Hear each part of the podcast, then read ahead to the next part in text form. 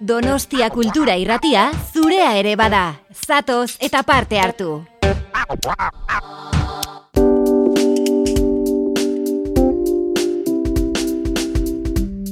Ispilu beltza. Donostiako kulturaren berri, Oyer Arantzabal eta Kristina Tapia buizirekin. Egun honen zule, abenduaren hogeita zeia dugu gaur, astelena eta ongitorriak Ispilu beltzara.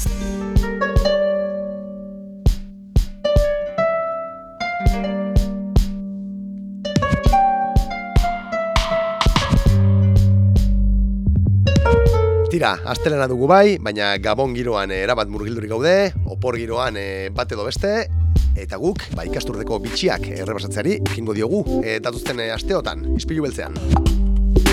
Badakizue gonbidatu asko, eta askotarikoak izaten digula, ba, astero-astero hemen, e, Donostia Kultura Irratianen e, sintonian.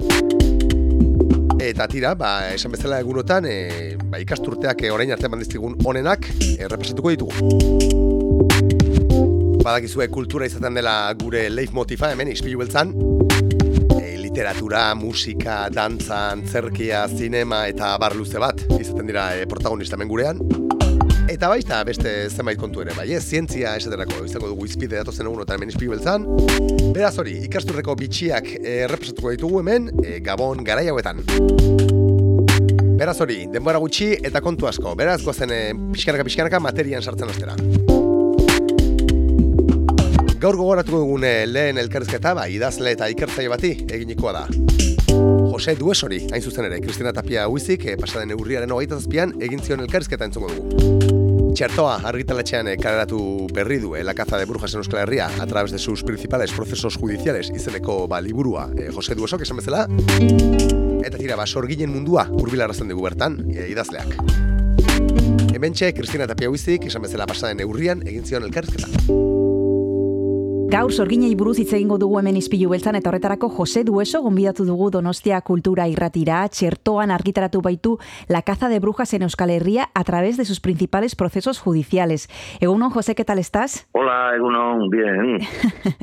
bueno, viendo, viendo a ver si aparece alguna bruja en el, bueno, a ver si aparece alguna bruja. Nosotros lo que vamos a hacer contigo es hablar de brujas y a ver si en, durante la entrevista nos aparece alguna. A ver si tenemos suerte. Bueno, como hemos dicho, eh, acabas de publicar Concerto a la caza de brujas en Euskal Herria a través de sus principales procesos judiciales y aunque en el título ya podemos atisbar eh, de qué nos vas a hablar, cuéntanos tú, por favor, eh, avánzanos, ¿de qué se trata este libro? ¿Qué nos vas a contar? Pues es, a ver, la historia de la caza de brujas o brujomanía. desde mm, que tenemos noticias. Y la primera noticia aparece en 1279, o sea, siglo XIII. Son noticias muy aisladas que están en el Archivo de Navarra. Y desde ahí hasta el siglo XX, o sea, perdón, hasta el siglo XIX. Y entre medio, pues hay procesos importantísimos, bueno, que han, que han sido muy sonados, que nos ha llegado pues noticias de ellos y datos y demás.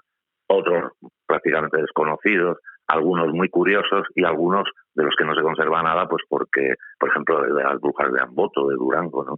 Pues no se conserva porque las autoridades de Durango destruyeron la documentación en el siglo XIX porque les parecía ofensiva. Bueno, ojo, seguramente puede que haya habido, bueno, seguramente, seguro, seguro, que ha habido más procesos, pero de lo que no se conserva nada, no hay noticia en absoluto. ¿no? Eso obviamente pues no aparece. Claro poco a poco iremos desgranando esos procesos más conocidos, esos procesos curiosos a los que hacías alusión y esos procesos de los que no se pudo recoger nada, pero que, bueno, que seguro existieron también. Pero antes de nada, me gustaría saber, eh, en la sinopsis habláis de, manual, de enciclopedia. Yo no sé si este libro es para gente que ya sabe un poquito de este tema, que está puesta eh, en ello, no tiene por qué mm, nos podemos adentrar en él sin tener demasiada idea o es para gente un poquito más experta. No, no, no es para todo el mundo, es para todo el que quiera saber, ¿verdad?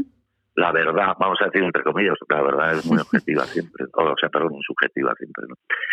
Eh, no, no, no es fácil, es ameno de leer, o sea, no, cada, cada capítulo es independiente del otro porque es un proceso, otros procesos, bueno, sigue un orden cronológico, ¿no?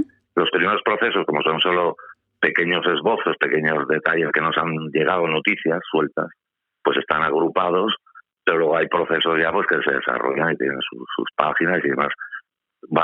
voy jugando todo el tiempo con lo que yo explico y ejemplos cogidos directamente de los procesos, textos originales, ¿no? con lo cual, además, con el lenguaje de aquella época, aunque, bueno, vertido al castellano de hoy para que todo el mundo lo entienda, resulta ameno y hasta, bueno, curioso, divertido a veces y tremendo otras, porque claro, estamos hablando de que se lo creían todo eso, ¿no? Sea, las autoridades se lo creían. Si empezamos por el principio, José, eh, bruja es un término que nos, yo creo que lo aprendemos desde bien pequeños todos, eh, pero ¿quiénes eran las brujas? Eh, ¿qué, qué, mujeres eran? Porque claro, estamos hablando de mujeres. ¿Quiénes eran estas mujeres? Bueno, mujeres o hombres. Hay también hay, predomina más la mujer, obviamente, pues, en torno al 70-75% de las acusadas en los procesos, pero no solo de aquí, sino de toda Europa, de todo Occidente, que eran mujeres. Pero luego el otro 25 o 30 eran hombres, o quiero decir, había de todo, ¿no? Pero eh, empecemos por lo de bruja. Bruja es una expresión que en realidad viene a sustituir lo que antes se decía a estas mujeres, que eran hechiceras, maléficas, magas, mm, toda una retaila de nombres. ¿no? ¿Y bruja? ¿Por qué se impone bruja? ¿Por qué se pone de moda bruja en un momento determinado? Porque bruja era una manera de distinguir el poder de entonces, distinguía que obviamente estaba ligado a la iglesia, estaba ligado a las creencias religiosas, etcétera. Era una manera de distinguir a las personas que, habiendo estado bautizadas, que eran cristianos, cristianas, en un momento determinado supuestamente habían eh, renegado del cristianismo y se habían hecho miembros de una supuesta secta mundial que rendía culto al diablo. Entonces, claro, esa excusa de, rendir culto, al diablo era lo que, donde se agarraban los, sobre todo la Inquisición, las Inquisiciones, porque no solo hubo una Inquisición, pero bueno, lo hablamos de eso. Y los poderes en general, los poderes civiles, para entenderlo, los, los consejos, los eh, municipales, los de los, corregidores, los del reino, eh, depende del sitio, pues, eh, eh, pues, como fuera su administración de justicia, ¿no? Pero civiles, vamos a decir. De hecho, eran mucho, mucho más creyentes, crédulos, eran más papistas que el Papa, mucho más que la Inquisición. De hecho, la Inquisición, en la historia de, su devenir, en el tema de la brujería, siempre iba frenando a los otros. Cuando había un juicio en determinado sitio que lo había hecho pues el Consejo Real de Navarra o, el Ayuntamiento de tal sitio, solía ir a poner, eh, a, quitar hierro al asunto más que echar, ¿eh? aunque bueno, hay excepciones también. Eh, y luego, a lo que voy, bruja era, de, alguna manera, servía para justificar, o sea, que esas personas fueran acusadas de herejía.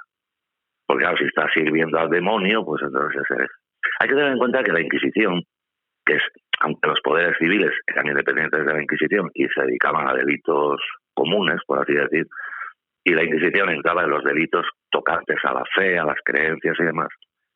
Bueno, pero sí es cierto que tanto uno, o sea, el poder civil se basaba básicamente en la ideología de la, Inquisición. Era el, el, poder predominante, representaba el poder de... Y, cuando hablamos aquí de Inquisición, estamos hablando de Inquisición española para diferenciarla de la Inquisición que hubo anteriormente en la Edad Media y que bueno y, posteriormente se recuperó, que era la Inquisición papal y que duró nada menos que hasta 1962, no nos olvidemos de eso. Pero y luego había también una Inquisición que eran de los de los obispos, pero bueno, esta era de otra tenía otro matiz, era aunque también tenía sus mazmorras, verdugos, jueces, etcétera, todo lo para nadie. Entonces, bruja justificaba de alguna manera que se le aplicase pues el, todo el rigor, digamos, de la ley de entonces, porque eran herejes, habían salido de la ortodoxia cristiana. Y claro, eh, o sea, no solo se habían salido de la ortodoxia cristiana, sino que tenían miedo de que era, era como una especie de bulo gigante, ¿no? De que se, habían extendido por el mundo entero y era una contrarreligión contra el cristianismo, era un era un, anticristianismo, no blancos y negros como como los lameros, ¿no? O sea, cosa que nunca se pudo demostrar, aunque sale constantemente, ¿no? En los procesos, pero no solo de, aquí de Euskal Herria, sino los procesos de todo Occidente, de toda Europa y luego incluso muy tardíamente en, en América con las brujas de Salem, que a final del siglo XVII todavía colea hay un proceso con ahorcamientos y todo, y, sí, y son siempre igual. Siempre son los mismos, unos niños acusan a otros y entonces para justificar eso, pues hay, que demostrar que había herejía, porque si no hay herejía, pues no tiene sentido.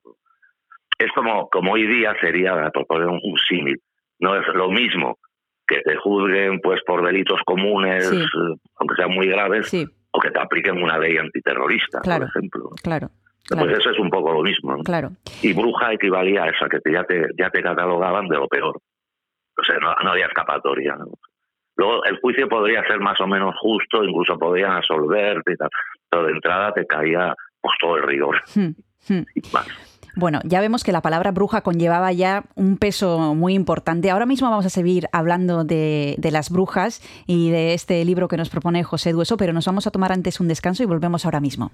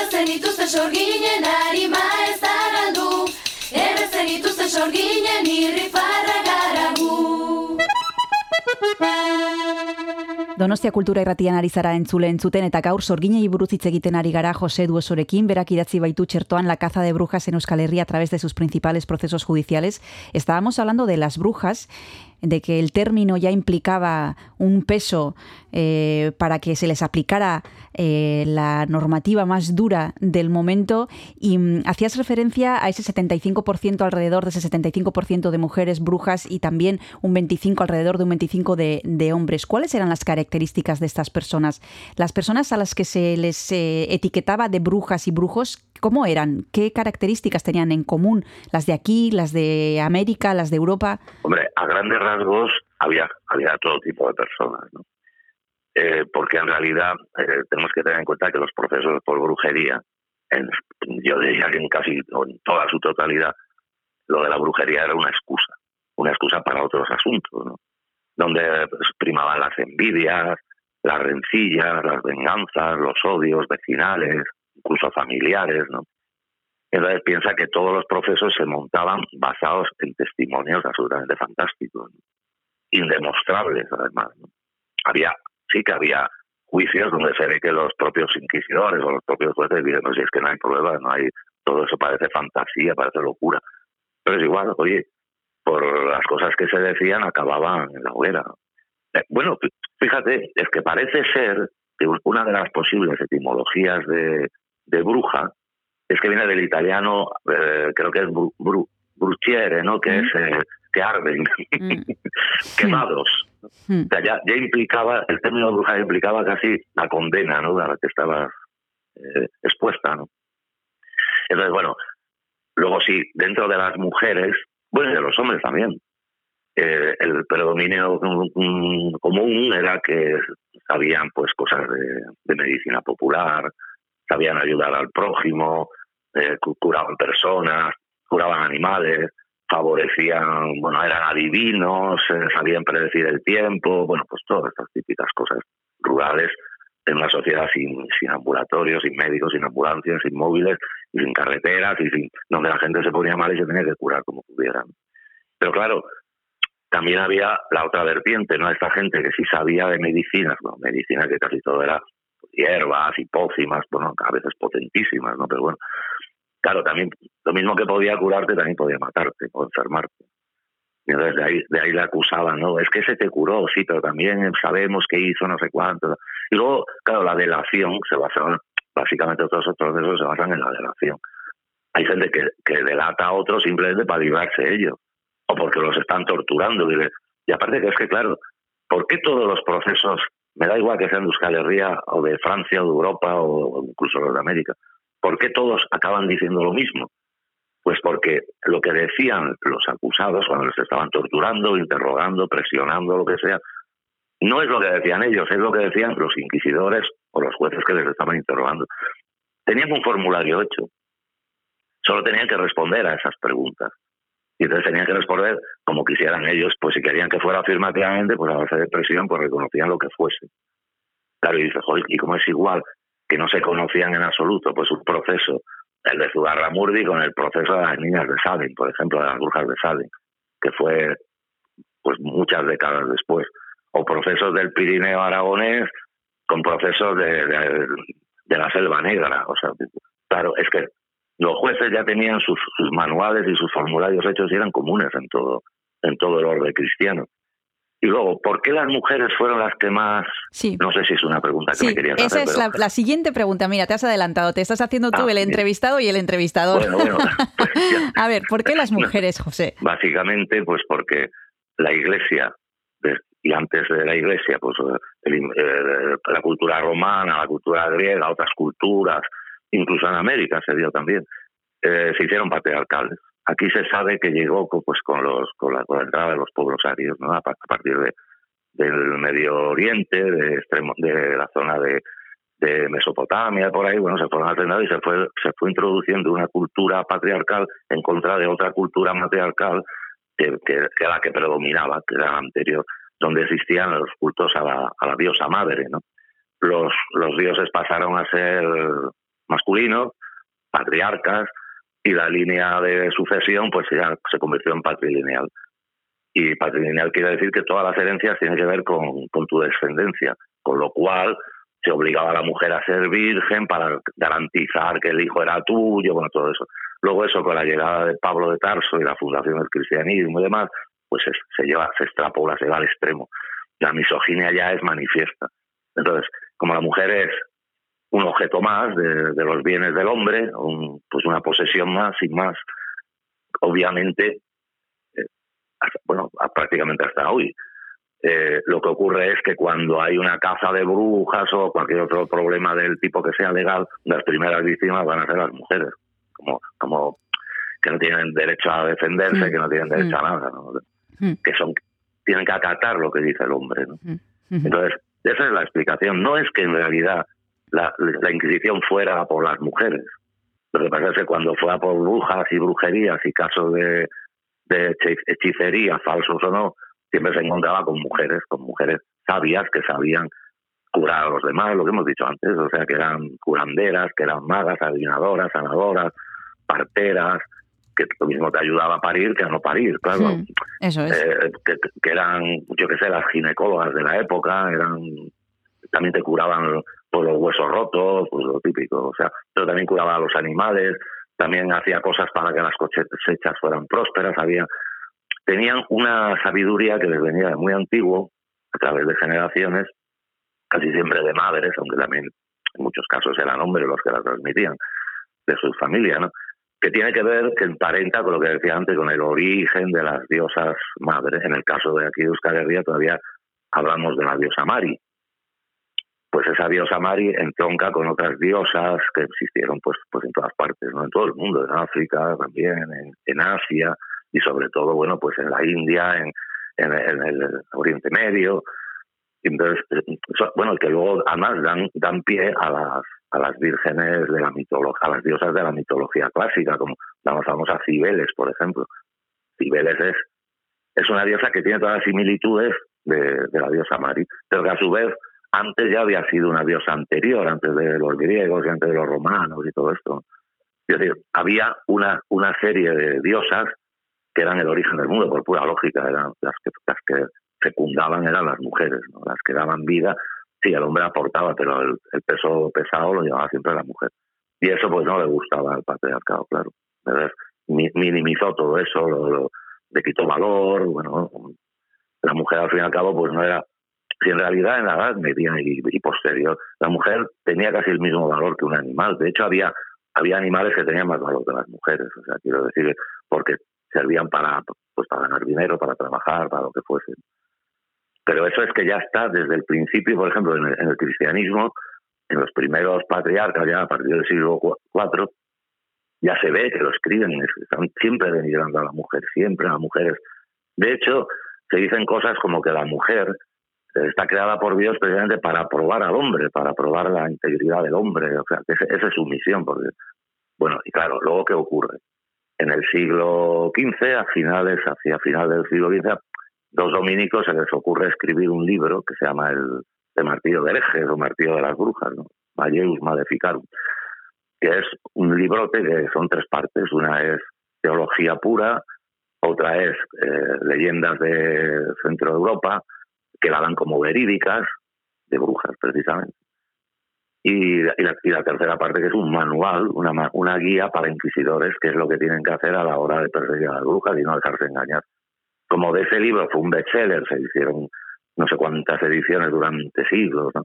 y todos los inquisidores bebían de ahí, pues claro, todas las preguntas que lo hacían a las mujeres, coincidía aquí en Bohemia, en Rusia, no sé qué, tal, es que eran igual de todas partes, porque ese manual había servido de guía para todos los que, incluso para jueces laicos. Pues, por ejemplo, el proceso de, de las mujeres de la Purdi, cuando viene el, el, el, juez este pierde el ancre y hace una escabechina, pues quemó a más de 60 personas. Este hombre no era, no era clérigo, no era la Inquisición, era un parlamentario de Burdeos que manda el rey pues para analizar el caso ese, que también es ficticio, ¿no? es, un, es un rollo del señor de, de Urtubi que, que resulta que se que quiere apoderarse de, de unos puentes de ahí de, de Don Iván Garazzi, oye, perdón, de Don Iván Luchune, que entonces estaban en seguro, aunque ahora es independiente, y que, y que pagaban por pasar. Pasaba mucha gente por allí, claro. Entonces es una, una guerra que tiene con el ayuntamiento para apoderarse de eso. Pero a raíz de eso surge el proceso, se inventa lo de las brujas y todo llega el Pierre de Lancre. Pierre de Lancre era, pues aparte de, un cretino, aparte era vasco, por cierto, había cambiado el apellido de su padre, pero era vasco de la Baja Navarra. Se odiaba todo lo vasco, el euskera, todo era malo, y además criticaba mucho a los de la Purdi, que habían copiado las costumbres supersticiosas españolas por cercanía, pues también me pasaba por a todos los españoles. Pero este señor, por ejemplo, sin ser inquisidor en el sentido de inquisición como institución, él también se basaba en el, en el Maius Maleficarum. Mm.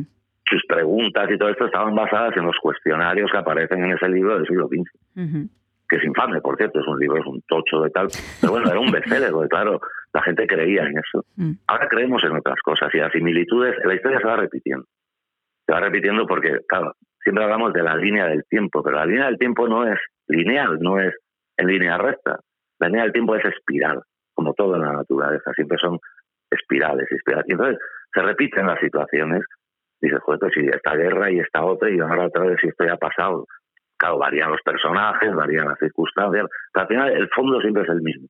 Y es porque la historia se mueve en espiral. Y, y, no solo se mueve en espiral, sino que los que organizan todas las grandes crisis a lo largo de la historia lo saben. Y se valen de eso también. Pero la gente ni se para a pensar, ¿no? Es lineal. Hoy es lunes, mañana martes, mañana... Sí, no, pero ojo, ojo, que eso hace curva, ¿eh? Y va dando la vuelta otra vez y va... es, interminable. Es como las galaxias de la vida hace espirales. y, la historia se repite. Y eso mismo que está pasando con, con lo de las brujas, que fueron bueno pues los, los siglos esos terroríficos, el siglo XV, el XVI, parte del XVII aquí, pero en Europa medio XVII, se está repitiendo después con otros temas, con temas ideológicos, políticos, con temas, bueno, y ahora mismo, ahora mismo que estamos viviendo la mayor crisis sanitaria de la historia, ¿Qué parte de verdad hay en esa crisis sanitaria? ¿Y qué parte de interés y qué parte de, otras cosas? Por ejemplo, por decir lo más moderno que tenemos.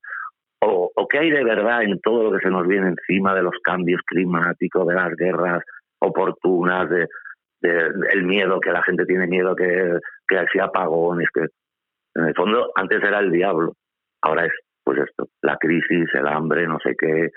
Eh, claro, a grosso modo, pues si ya te lo has creído, pues ya estás perdido. Pues igual hay algo de verdad en todo eso, pero habrá que analizarlo, ¿no? Habrá que... Pues aquí pasaba lo mismo, no se analizaba nada.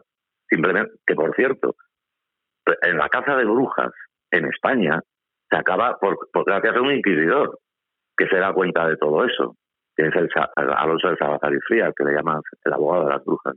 Se da cuenta de que todo el proceso de a morir fue una patraña.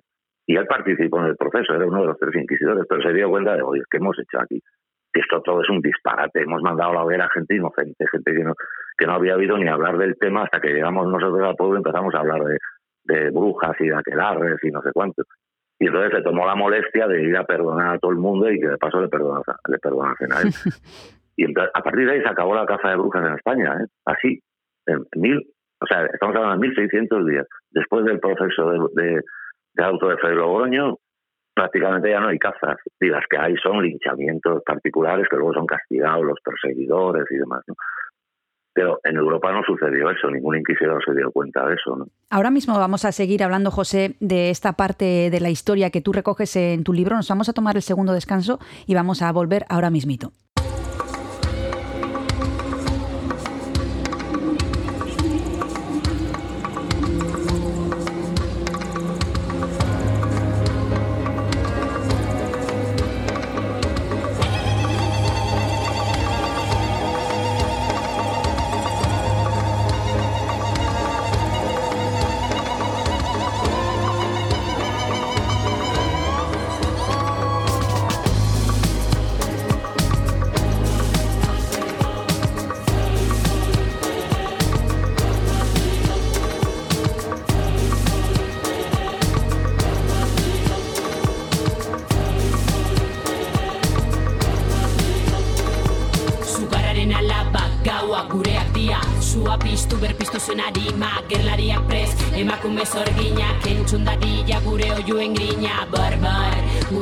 Zikinak barbar Gure gorputz gordinak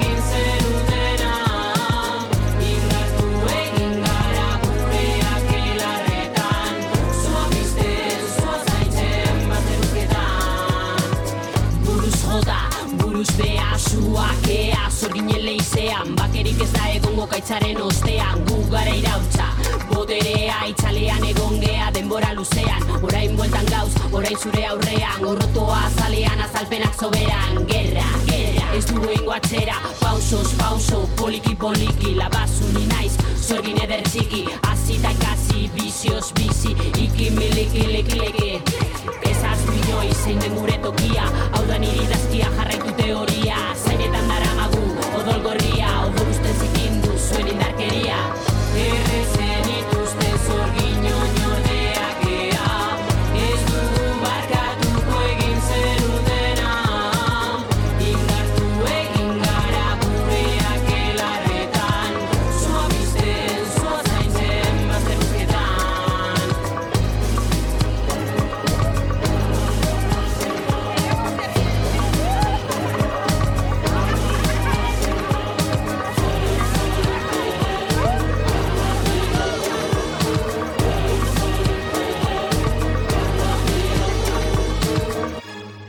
Izpilu beltzan gaude entzule eta gaur sorginei buruz hitz egiten ari gara eta horrera horretarako aditu bat gonbidatu Donostia Kultura irratira. Jose dugu telefonoaren beste aldean la craza de brujas en Euskal Herria a través de sus principales procesos judiciales da berak txertoan argitaratu berri duen eh, liburua. José, estábamos hablando de unos procesos que tú al principio citabas, algunos de ellos eh, muy conocidos, ¿no? que a todos nos suenan, Salem, Zugarramurdi, pero hay otros que, de los que también hablas en tu libro que, que, se nos eh, han escapado a nosotros, que no tenemos eh, demasiada idea, no tanta como tú, desde luego, eh, pero que tú recoges, ¿no? Como el gato que hablaba Vascuence de Oricain o las Tres Marías de Piedra Millera. ¿Cómo has llegado hasta, hasta ellos? Hombre, se conserva material desde hace tiempo de todo esto. Eh, lo que pasa es que son, son procesos menores, pero muy curiosos y que casi nunca acaban cuentamente. O sea, en estos casos no hay penas de muerte ni nada de eso. Eh, pues eran interesantes de entender un poco para, o sea, de, incluirlos pues para entender un poco cómo era el mundo en aquella época, el mundo rural de aquí, o sea, cómo, qué mentalidad, porque tampoco era muy diferente los campesinos navarros que los campesinos vizcaínos o guipuzcoanos, era lo mismo, ¿no? O sea, o, o de la Purdi o de Suberoa. En el fondo los problemas eran los mismos y la mentalidad era la misma. Entonces, bueno, pues se los he ido recogiendo.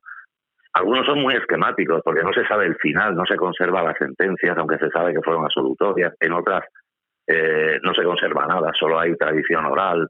Por ejemplo, uno de los procesos más curiosos que sale ahí, que a la vez es un, un personaje curioso, es el famoso Juanis de Bargota. ¿no? Juanis de Bargota, de él se ha escrito, yo qué sé, miles de páginas en libros, en estudios y demás. Sí, el famoso cura de Bargota, que estudió en Salamanca artes mágicas en la cueva de Salamanca y entonces se hizo brujo y, volaba a los aquelarres de Burgos, de ahí de la zona de Viana, de, de la, charca de, de, al lado de Logroño, ¿no? Bueno, a los montes de Oca, engañaba a sus, sus feligreses, hacía, en realidad era un prestidigitador, tiene anécdotas miles, ¿no? Pero sin embargo, históricamente, bueno, y se habla de que fue condenado por la Inquisición el proceso de las brujas de Zugarramurdi, 1610. Pero luego miras el, y, bueno, pero, y junto a él, una compinche de él que era eh, una, una bruja de Viana, una ciega, una que le llamaban, ah, no me acuerdo cómo se llamaba, Endregoto, sí, pero la brujita ciega de Viana. A esta sí la quemaron. Según dicen, pues en todos los sitios donde vas a leer. Sin embargo, miras en el proceso de la Inquisición de Zugarramurdi que se conserva que todos los condenados, qué penas tuvieron, los reconciliados, etcétera, hay muchos documentales, y no aparecen de ninguno de los dos para nada. Sin embargo, hay autores que lo dan, bueno, citando a otros y tal, pues resulta que lo dan por supuesto, pero no, no existe. Ese hombre no estuvo en el, en el, en el proceso de 1610. Y luego otros estudiosos, incluso gente de su época, o sea, está hablando de que ese señor pudo ser de un siglo antes, es decir, del siglo XV, ¿no? Pero incluso hay otros autores más modernos que dicen que es que no ha existido nunca, que es un personaje ficticio que ha reunido cosas de otros personajes y que en realidad no era ni Navarro, fue párroco de, de, de Bargota, pero él era de Rincón de Soto, de La Rioja. Sí, quiero decir, pues, pues también lo recojo porque hay cosas curiosas. Piensa que la versión más curiosa de, de por qué le condenaron, sobre todo a ella, a la, a la bruja de Viana, le condenaron a muerte y la quemaron, teóricamente, es porque quiso rejuvenecer, rejuvenecer, a un anciano que era un noble de Diana, y entonces le convenció que nada, que, le dio una manzana para que se durmiese y dijo que, que lo iba a hacer pedacitos y lo iba a recomponer como joven. Y él, y él se dejó. Claro, ahí por más que hicieron las potinges y salmos y el, conde aquel no, no resucitó, ¿no? Entonces, bueno, al final, más que por herejía, fue por, por asesinato. Pero claro, que también sigue siendo una leyenda, existió un claro, realmente. Bueno, y luego otros procesos muy curiosos que aparecen en el libro son los últimos. Mm. a partir del siglo XVIII, ya la tendencia, bueno, y antes también, pero en el XVIII ya hay procesos muy sonaditos, bueno, que, que, que, quedan bien claro reflejados. Ya la Inquisición no caza brujas, caza a cazadores de brujas. Va contra los que acusan a, los demás de, de, brujas, insultan, ya llamado brujas, orguiña, hechicera, herbolera, ponzoñera. Todo eso estaba castigado, esos insultos. Ya es al revés, ya no es, esa es bruja y van a por ella, no. Esa es bruja, pues si dices eso van a por ti. Tienes que demostrar que es verdad. Y claro, de esos procesos en el libro llegan, si no recuerdo mal, hasta 1824, creo. Yo recuerdo así de memoria. Pero hay procesos, bueno, procesos no, mm, información infinita en cantidad de archivos. Por ejemplo, uno de los que más tiene material de eso es el de Ondarribi, el archivo municipal de Ondarribi, está por desempapelar todo eso, donde hay procesos, eh, pero procesos muy breves, o sea, quiero decir, hay acusaciones y, y algunas condenas, pero tampoco son los procesos ya de la Inquisición conocidos y famosos, por mujeres que insultaban a otras diciendo precisamente, eh, pues eso, hechiceras, sorguiña, porque eres una bruja sorguiña, no sé, cuando alguien la huyó, la denunció y tal. Por eso, eso había que evitarlo ya, ya era políticamente correcto llamar a gente brujas y demás, a partir de ya del siglo de las luces y tal, lo que la Inquisición perseguía era otras historias. Y precisamente uno de los pueblos que más casos de, de denuncias hay, denuncias y acusaciones y demás, de haber insultado a otras personas por brujas, sucede en Pasay de que, en su día perteneció, si no nos olvidamos, a, a, Ondarribi. Hasta 1770 fue una aldea de Ondarribi. Entonces, por eso está en el archivo de allí. ¿Y qué más? ¿Qué procesos así curiosos hay? Bueno, hay, procesos que, empiezan pues siendo eh, del poder civil, por ejemplo, de las brujas de Araiz, que es, famoso, modernamente es muy famoso porque en él se basó la película aquella de Pedro Lea, Aquelarre. Entonces, eh, no en las de Zugarramurdi, porque mucha gente piensa que aquella la cueva de Zugarramurdi, no, no, aquella es la cueva de allí. Y eso se rodó en, en Aralar, no se rodó en, en, en Zugarramurdi, en el Bazán, ¿no? porque el proceso fue en Araiz. Implicó a pueblos de la zona, también del Valle de la Raun, y algún pueblo como Verazte y algún otro de Guipúzcoa. Y entonces fue un proceso que, lo empezó la, el Poder Civil, el Consejo del Reino de Navarra. Pero llegó un momento en que, claro, se toparon con lo de siempre, que había delitos contra la fe, contra las creencias, contra la religión. Y entonces tomó cartas en el asunto, pues la Inquisición. la Inquisición ya de entrada, pues no, no, no se lo tomó en serio. Y pasaba el tiempo y no se tomaba en serio el proceso porque no, no se lo creía. Estamos hablando del siglo, del siglo XVI, 1500, finales del 1500. Y, y, se dilató en el tiempo y al final todos fueron asueltos. O sea, porque la Inquisición no encontró delitos ni, tenía nada de, ocuparse de eso, que, le parecía pues supersticiones pueblerinas. ¿no? Pero claro, en el camino, aunque todos fueron asueltos, pues murieron unos cuantos pues en la prisión, en las cárceles de Pamplona, que debían ser infames. Entre ellas, incluso alguna niña acusada de bruja, niña de 12 o 13 años, eh, que antes había sido también delatora, pero al final acabó también siendo eh, procesada. Bueno, ese tipo de cosas sucedían. O sea, por ejemplo, en, Bilbao también hubo detenciones, llevaron el proceso del Valle de Severio, pues parecido también por rencillas, envidias, que, que si brujas, y al final pues fue un proceso civil donde un montón de vecinos de, de allí de Severio acabaron en la cárcel de Bilbao. Al final fue absolutorio, no hubo condena, nada, pero claro, en, el interín murieron un montón de personas pues de epidemias, de lo mal que se vive en la cárcel, de depresiones, de, y decía, al final también tenía un precio humano, a pesar de, que habían sido todos asueltos. Ese tipo de cosas salen en el libro, pero claro, hay procesos más famoso y otro menos famoso. el más famoso, pues ya lo hemos inventado, el de Pierre Lancre, en Lapurdi y el de Zugarramurdi en Navarra. Que el primero ya hemos dicho que fue un proceso civil, que lo, que lo organiza el, el, loco este, el Pierre de Lancre, que era del Parlamento de Burdeos, pero el otro, que coincide en el tiempo, y además hay relación en algunos momentos entre un proceso y otro, el de Zugarramurdi, que se inicia en Urdaz, en el pueblito que está al lado de, de Zugarramurdi, donde estaba el monasterio, al cual pertenecían los pueblos, ¿no? Entonces eran como esclavos del monasterio. Entonces el abad del monasterio aprovechó la circunstancia de que una que volvía de, de Iparralde, que, que, era de Murdi, ya no era bruja, pero había participado hace unos años en aquel Arres y tal, y algunos lo habían hecho en Murdi, y dijo nombres y tal, pues a partir de ahí, este dice, ah, ahora es la mía, y se venga trayendo a la Inquisición de aquellos de Zugaramurdi que consiguieron independizar el pueblo pocos años antes, separarse del monasterio a nivel administrativo y convertirse en, en consejo del municipio. ¿no? Mientras que es muy relativo, porque en realidad sí, ya eran, eh, eran libres, teóricamente, pero seguían trabajando para el monasterio y demás. ¿no? Entonces, cada había gente díscola que no estaba de acuerdo con eso. Piensa que mientras en otros pueblos sí la gente era libre teóricamente, en otros pueblos del propio Bastán, porque es que Zugarramurdi y pertenece a Bastán geográficamente, pero sin embargo son dos municipios aparte, no si el mapa. Dices, ay, ¿por qué? Pues por eso, porque eso era el monasterio de San Salvador de Urbán, pertenecían a ellos y eran siervos de la gleba, que serían esclavos de la tierra del monasterio. Este señor, el abad, coge y llama a la Inquisición, entonces la Inquisición se lleva a los primeros, empieza el proceso y demás. Y de alguna manera lo hizo por venganza. Ahora os voy a castigar. ¿Os habéis revelado contra mí? Pues mira, mira, os traigo la Inquisición. Lo que pasa es que luego el proceso le salió rana a la propia Inquisición ya te digo, un inquisidor se dio cuenta de que qué disparate estamos haciendo aquí, ¿no? Y hasta tal punto influyó en, lo que iba a suceder después que la propia Suprema de la Inquisición, que era el órgano superior que controlaba pues todos los distritos inquisitoriales de toda la península, justo el año después, en 1611, estaba el proceso de Ondarribi, de la cruz de Ondarribi, que era, lo, lo llevaba entre manos el propio Consejo Municipal, ¿no?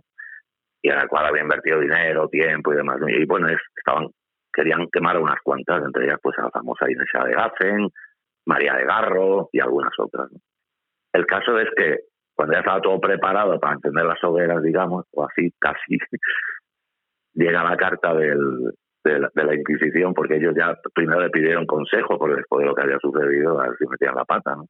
Y con ello decíamos topado, ¿no? Y entonces la, Inquisición les, devuelve, les contesta y les dice que mira que se olviden de todo eso, que devuelvan los bienes confiscados, que dejan a la gente libre y tal, porque todo todo eso ha sido un engaño del demonio, no vamos a caer en las trampas del demonio, joder, los otros se cogen un berrinche, joder, y ahora que nos vamos a quedar sin quemar. Bueno, pues simbólicamente hicieron algo.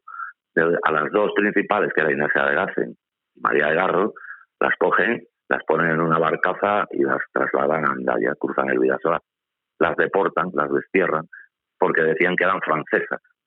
Claro, lo cierto es que las dos eran de Iparralde, una era de, la Purdia otra de un pueblo de, la Bastida, de, Baja Navarra. Pero las dos estaban casadas con soldados españoles, y además de cierto grado, de la, de la guarnición de Ondarribi. Pero bueno, eso se lo pasaron por alto. Alguna de ellas se sabe, María de Garro se sabe que volvió, y volvieron a charla otra vez, y bueno, no sé. Pero que tenían que demostrar que, a quien manda aquí, ¿no? Pero claro, lo cierto es que quien manda aquí ya no servía, porque ya no eran brujas. A partir de ahí ya había caído en declive, ya, no se perseguían brujas. Y estamos hablando de principios del siglo XVII, que todavía se van a encender en Europa las grandes hogueras, ¿no? Y curiosamente, pues claro, los, los sin ir lejos, los, propios franceses, ¿no? O sea, la, corona de Francia y, los jueces franceses, bueno, los alemanes y demás, pero también por cercanía, decían que España era la viña del demonio, donde las brujas pues campaban a sus anchas y se hacían todas las supersticiones de hechicería, que ahí nadie estaba seguro, y bueno, se les recomendaba a los que venían de viaje, cuidado con las brujas españolas, porque España está llena de brujas y no las persigue nadie. Leyendas de esas que se hmm. crearon a raíz. Bueno, leyendas y sobre todo los procesos judiciales son los que podemos encontrar en el libro que ha escrito José Dueso. Aquí hemos hablado de algunas de las cosas que nos propone en, en, este texto, que yo invito a los oyentes a que lo descubran más en profundidad, porque como habéis podido escuchar en la entrevista, está lleno de cosas que, que algunas nos suenan, pero que otras no conocemos y que nos van a resultar interesantes para leer. Y como decía José Dueso, la historia es una espiral, así que nos pueden servir para tratar de interpretar las cosas que nos ocurren ahora también. Ha sido un placer, José, que te hayas acercado a Donostia Cultura y Ratía y que ya te hayas acercado con, este libro y que, nos lo, y que nos lo hayas explicado en parte. Eh, muchísimas gracias por tu tiempo y un abrazo. Hasta la próxima. Milla Esker. Vale, agur, Suri. Agur. Hauetxek izan ditugu, Jose Dueso eh, ba, antropologo eta euskal mitologian eh, adituaren hitzak. Oparia proposa izan daiteke, eh? gabon hauetarako, la caza de brujas en Euskal Herria a través de sus principales procesos judiciales, berak kaleraturiko liburua. Musika pixka bat orain.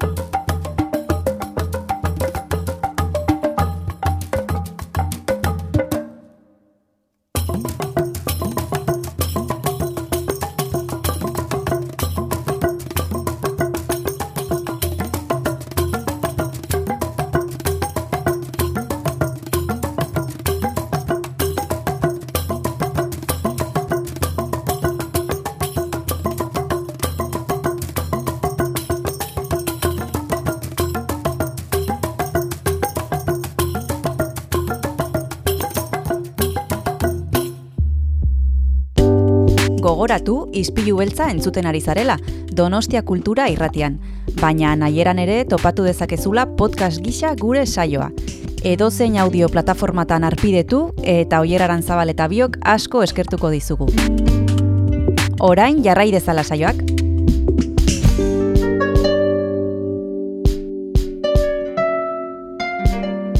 Nagoreko bidean orekatek izen kantua entzu berri dugu euren e, kerkus endorfina diskotik hartu duguna. Eta tira, ba, Kristinak esan bezala, jarri dezala saioak.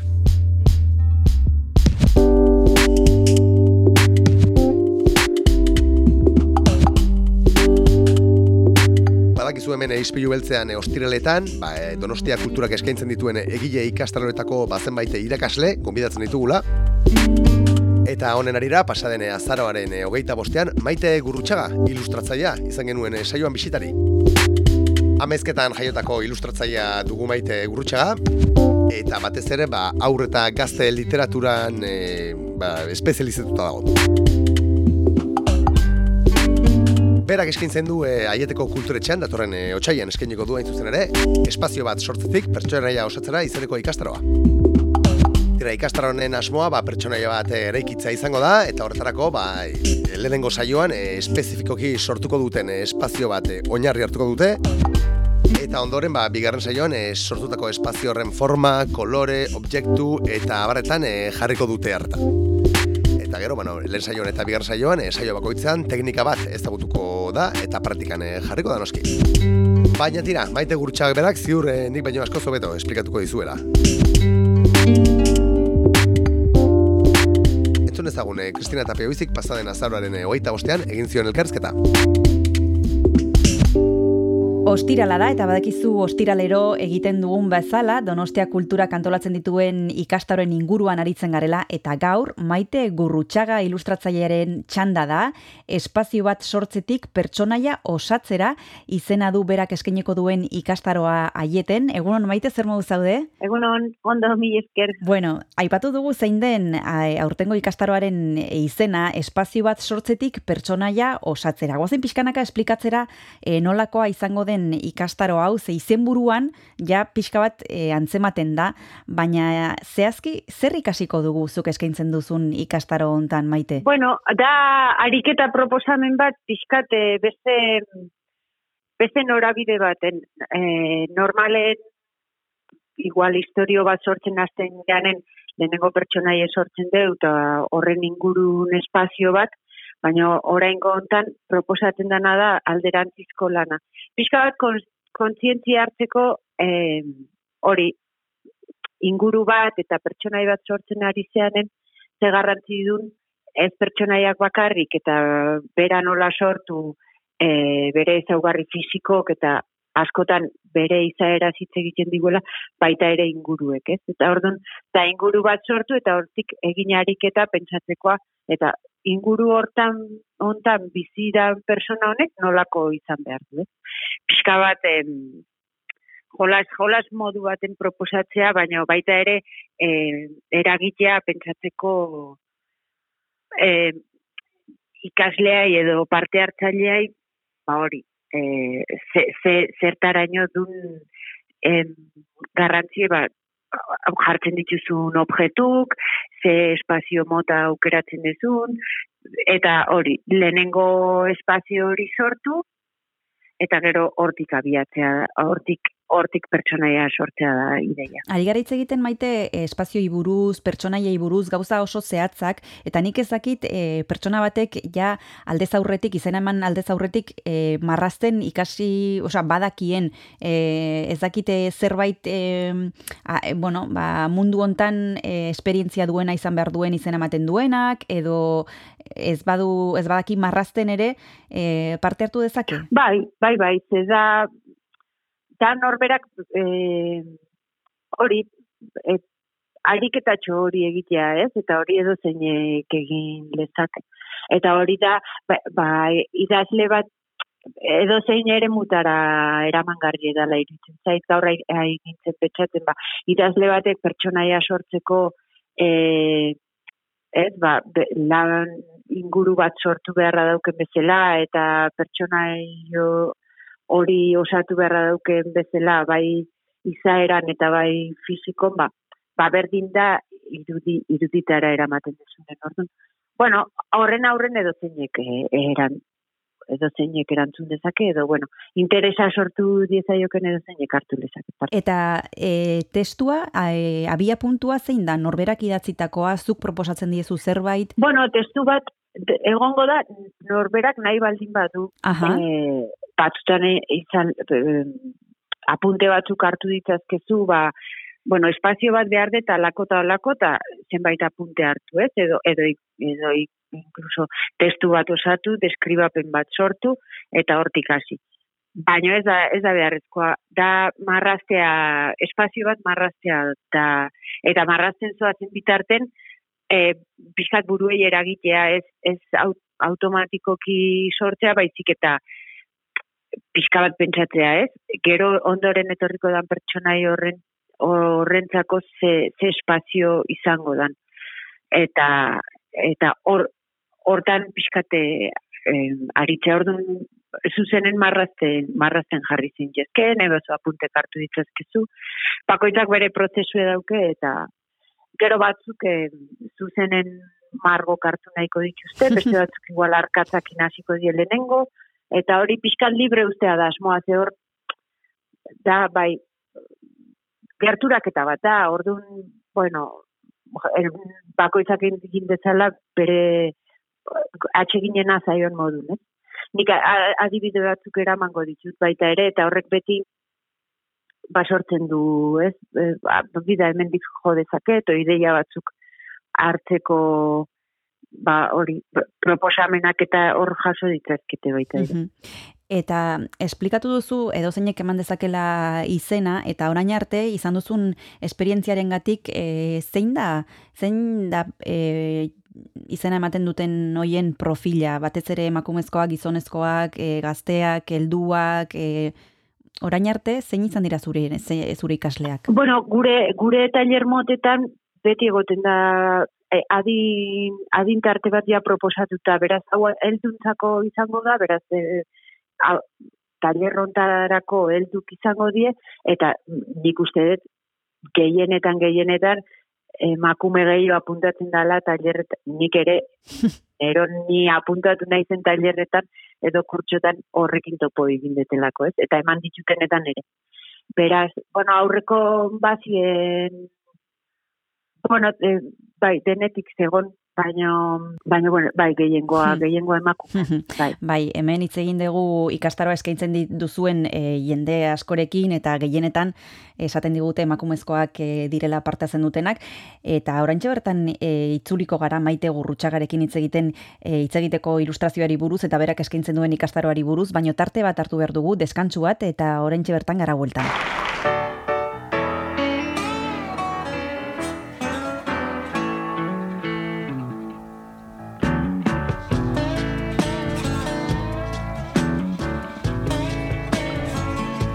The streets of Rome are filled with rubble. Aged footprints are everywhere. You can almost think that you're seeing double on a cold, dark night on the Spanish stage. To hurry on back to my hotel room. Where I've got me a date with Botticelli's niece. Yup, she promised that she'd be right there with me. When I paid my masterpiece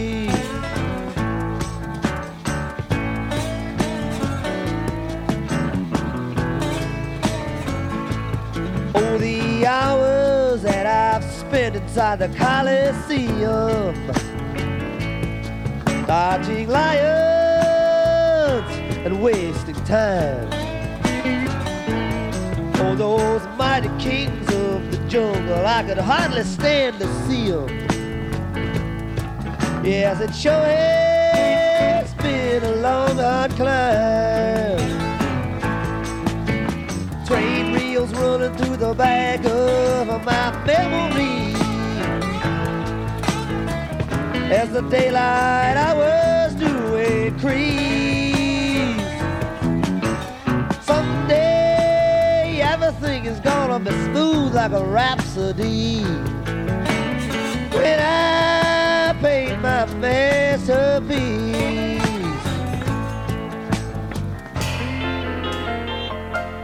I left Rome and landed in Brussels with a picture of a tall oak tree by my side. Clergymen in uniform and young girls pulling muscles. Everyone was there and nobody tried to hide. Newspaper man Sunday. Had to be held down by big police.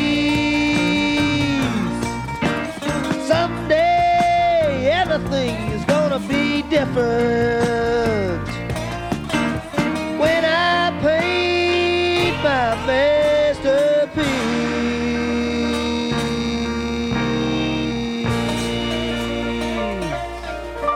Gaur telefonoaren beste aldean maite gurrutxaga ilustratzailea daukagu, berak aieten eskaintzen du espazio bat sortzetik pertsonaia osatzera izena duen ikastaroa, eta ari ginen justu honen inguruan hitz egiten. Aipatu duzu edonerk eman dezakela izena, e, baina protagonista bat e, sortu behar dute, espazio batetik abiatuta e, bertara baten direnak, eta protagonistan pentsatzen dugunean, ezakit e, ze gauza jakin beharko genituzken protagonista horren inguruan.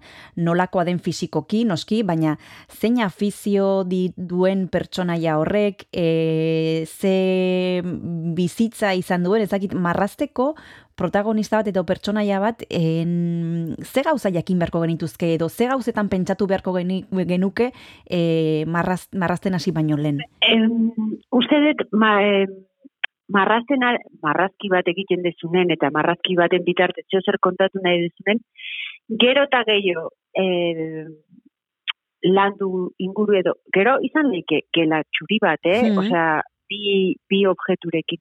Baina, gero eta gehiago pentsatu, bai pertsona hori nolakoa izango dan, edo bai bere espazio vitala nola izango dan, gero oso amarrazki simplea izanagatik ere, irudi horrek gehiago kontatuko digula. Beraz,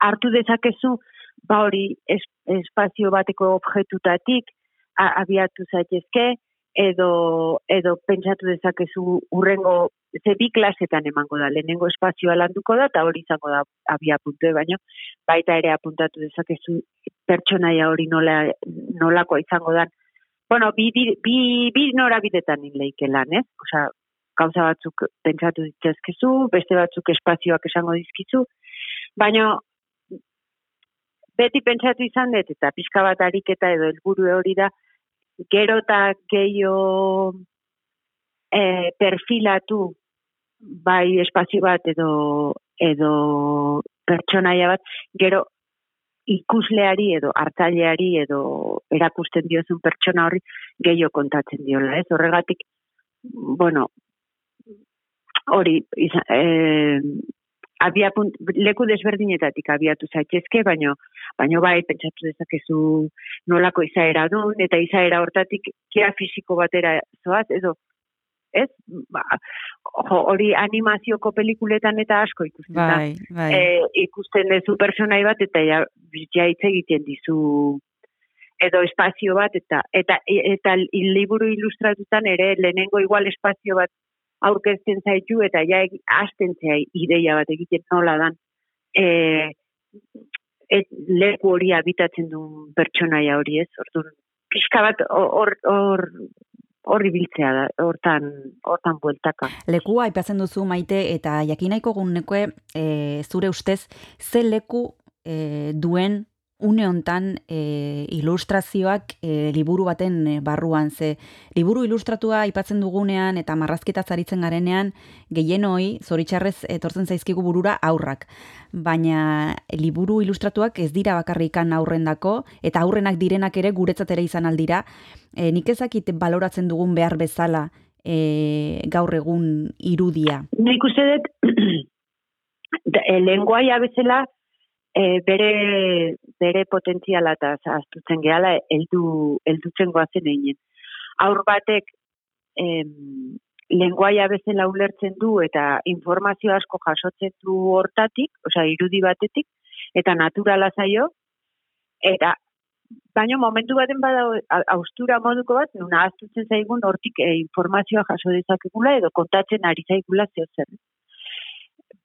Denoi gertatzen zaigun zeo zer da eta maila hundigo baten edo beste nik ni orain nere lanangatik ba ba beti ari naiz potentzial horren bila, ez? Irudiek kontatzea zertaraino kontatu dezaken eta nola kontatu al bezain ondoen ta hori.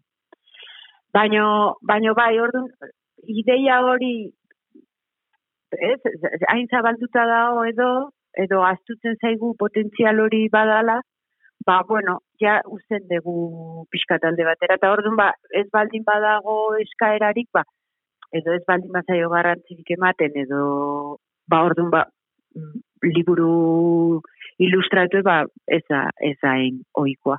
Ba daude, ba oraindik ere egiten dieta eta uste dut azken urte hauetan ko klasiko ilustratu edo e, komiki komiki mota desberdin bat beste gai batzuk lantzen diena atzetik dator, eh? baina igual e, gehiago zehatzen da edo jo, ez dakit igual ni hor mundu hortan nabilelako, hmm, baina hmm, hmm. e, album ilustratue gustoko duen heldu asko ere ezagutzen ditut. Bueno, bada interes bat baino bai ez da, ez da, ez da gehiengoaren gana iristen ze irudi bat e, neri gertatu zain nere hilo ez? E, liburu bat erakutsita jo, aur bat izan da, ba, ja, zuzenen automatikoki irudi hori irakurtzeko ariketa egin eta heldu batek igual liburu berdinen jaso eta jo ba ederra da o hemen zenbat lan hartu dezu baina igual ahaztu irakur, irakurri leikela baina bueno da ez dakit por el el el goazen hain gertatzen dan zer naturalki, bueno, ba, igual berriro ere gogoratu arazi behar da, ba, hor bada hmm. Hola, ze bai. Agian, e, kasu honetan, eta kasu hontarako egin beharko genukena da, e, alderantzizko harik eta e, haunditu beharrean, ba, aur bihurtu beharko genuke berriz ere, ba, gaitasun hori ez galtzeko, ez? Eta izateko, e, ba, bueno, e, kapazidade hori marrazkiari bere balorea emateko, eta hori ere e, lenguaia bezala ulertzeko. E, maite gurrutxaga daukagu gurekin e, Donostia Kultura irratian, bigarren deskantzu bat hartu behar dugu eta oraintxe bertan itzuliko gara berarekin e, ilustrazioari buruz hitz egiteko.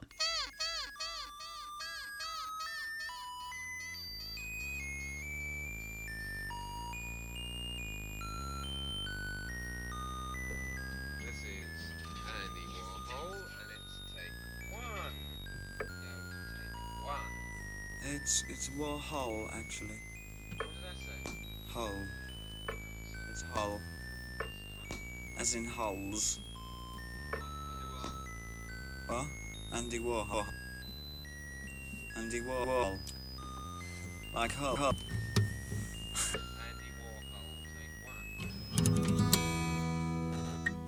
ah. Are you ready? Yeah.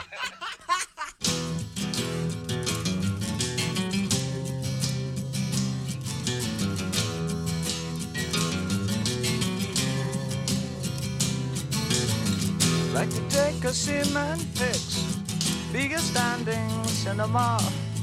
Dress my friends up just for show, see them as they really are. But the people in my brain, two new pens to have a go. I'd like to be a gallery, put you all inside my show. Andy Warhol looks a scream, hang him on my wall. Andy Warhol, silver screen, can't tell them apart at all.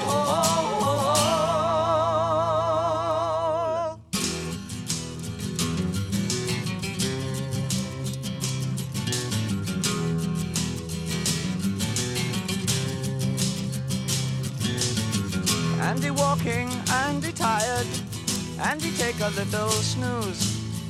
Tie him up when he fast asleep, send him on a pleasant cruise. When you wake up on the sea, be sure to think of me and you. To think about paint and to think about glue, what a jolly boring thing to do. Andy Warhol a scream hang him on my wall. Andy Warhol, silver screen,